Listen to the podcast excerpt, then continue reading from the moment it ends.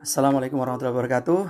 Selamat Hari Kesaktian Pancasila 1 Oktober 2020. Mudah-mudahan spirit Pancasila dapat kita terapkan dalam kehidupan sehari-hari menjadi insan Pancasilais yang berpegang teguh pada prinsip-prinsip nilai kemanusiaan, persatuan, keadilan, dan uh, ketuhanan tentunya. Nah, bagi saudaraku, Pancasila telah membuktikan mampu mempersatukan dari Sabang sampai Merauke. Nah, tentu itu bukan pekerjaan yang mudah, melainkan butuh sesuatu yang luar biasa juga dari para generasi, lintas generasi, dari pemerintah, dari berbagai elemen bangsa ini.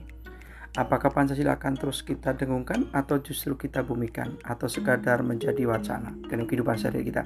Semua itu kembali ke diri kita menjadi insan Pancasila yang berpegang pada prinsip-prinsip ketuhanan dan lain sebagainya yang saya sampaikan tadi.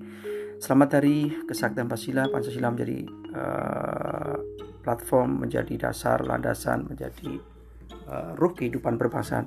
Selamat untuk Pancasila kita.